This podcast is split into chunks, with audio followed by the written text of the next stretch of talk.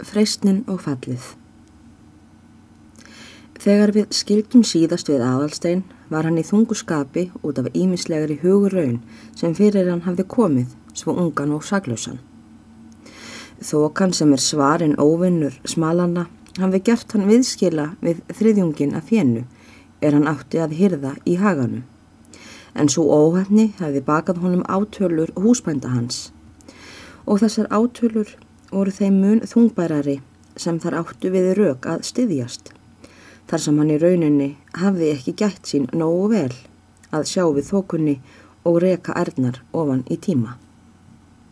Að vísu léttin og þessum harmi nokkuð þegar aðalsteit kom heimum kvöldið og sá að ærnar hafðu fundist um daginn en þó leitt hann svo á sitt mál að betra myndi heilt en vel gróið en það voru aðrar hugleðingar auk þessa sem böguðu aðalsteini hugarangur um þessa daga. Að því hann var svo skamt komin út í lífið og hafði svo næmar og viðkvæmar tilfinningar sem vart hafa aðrir en börnin.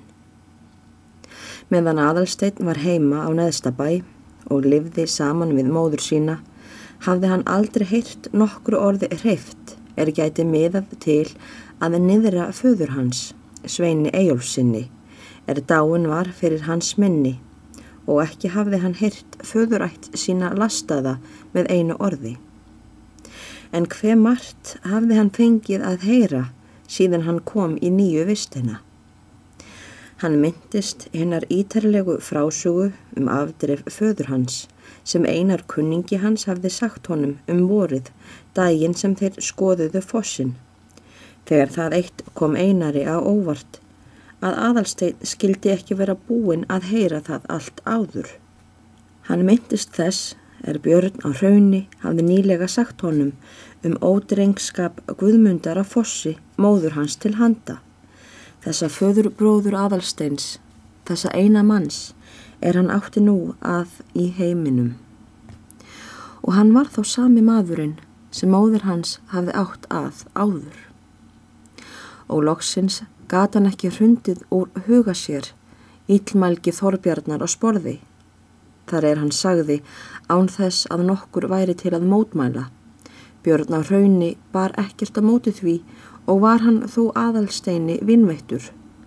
Að fadir aðalsteins hefði verið mest í svoli og misþyrmt konu sinni. Allt þetta láð þungt á brósti aðalsteins. Hver mikið hafði hann umið í nýju vistinni? Hversu hryllileg reynsla fyrir barnið? Hversu eitraðir drópar ofan í svo ungt og fjörugt blóð? Það var aðalsteini sem væri hann búin að lifa heilt líf reynslunar þessa fáu daga sem hann hafði dvalið á fossi og þó var ekki sínilegt á yfirborðinu að hann neitt amaði að. En sannleikurinn var sá að hann vissi ekki hvað hann átti að hugsa eða hverju hann átti að trúa. Engin var sá er legði jafnvægið í skálina hins vegar til þess að minnst að kosti að bera ámælið af þeim er í gröfunum kvildu.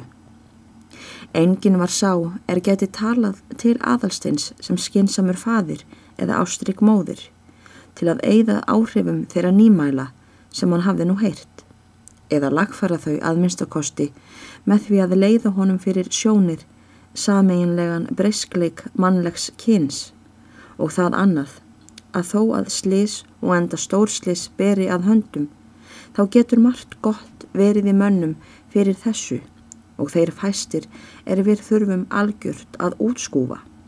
Og það hefð þriðja að hver er sjálfum sér næstur einnig að því er ábyrðina snertir fyrir hinnum mikla dómara er engan lætur gjalda annarlegra yfirsjóna. Nei, hinn ungi maður var aðleit með hugarvilsitt og myrku evasendir. Aðleit og ofurseldur dagkvern hinn er skinnlausu náttúru. Og hvílík var náttúran honum nú. Á meðan aðalstein var barn, því við teljum hann ekki barn lengur. Hann hefur lifað sig fram úr bernskunni eða réttar að sagt verið sviftur henni síðan hann kom að fossi. Á meðan augað var heið skýrt og hjartað rótt Á meðan lind lífsins er hann björt og tær, svo sem uppspretta helnæms og svalandi drikjar. Á meðan spekluðu sig að vísu furðuverk sköpunarinnar í þessari lind, bæði hinn bjarti heiminn og hinn blessunar ríka jörð. Þá talaði náttúran við hann sem barn Guðs við bróður sinn. Lauk upp fyrir honum sölum dýrðar sinnar og skemmti eirum hans með margurötuðum samsöng lifandi hljóðfara. En nú, eftir það er hjartað, er harmi lostið. Eftir það er syndin, er innkomin. Eftir það er óhreinundum, er kastað í lífsins lind. Nú hætta Guðs verk að skoða sig í þessari skuggsjá. Náttúran lítur undan sem fyrrt móðir, brítur fegurðarklæðin saman og nemur það úr auksín. Barnið sem var með glöðu hjarta er orðið maður með særðu hjarta. Og þó er hann ekki sá hins ekki, en hitt er það að það að heyra illt getur á þeim aldrei orðið hartnær jafn skadvænt sem að gjöra illt, fyrir að nextlið brennir út frá sér á alla hliðar. Aðalsteinn leitar af svörum upp á spurningar hértasins. Hann lítur í allar áttur til heimins og til jarðar eftir ansvörum. En náttúran þeigir eins og steinin. Fyrir að hver getur ætlað slíku ungmenni að nema heið þöggla orð er jafnvel hinn fullorðinni heyrir ekki nema Guð leiðbeinu honum. Það orð náttúrunar sem hljómar þó úr öllum áttum þegar svo á stendur sem nú fyrir aðalsteini. Það orð, segjum mér, er frá öllum hlutum sköpunarverksins talar, þannig til hins ömstatta. Við getum ekki hugsvala þér barn, eins og nú er komið. Þú þart að ráðfæra þig við og Guðus orð. En aðalstein vandaði þetta orð. Það var sem áður er sagt Engin er talaði til hans í einverunni. Engin er afstýrði óhætlavænum áhrifum þess lofts er hann andaði að sér. Því að mikla spurningin var hvort áttu svitnin að hata minningu föður síns eða ekki. Eða hefur Guðmundur á fossi leist raðgátuna. Hann sem talar þvert að móti hinnum, hann sem lágur frænda sínum, að hann er ólíkur sínum og spáur honum þess vegna hraksbár.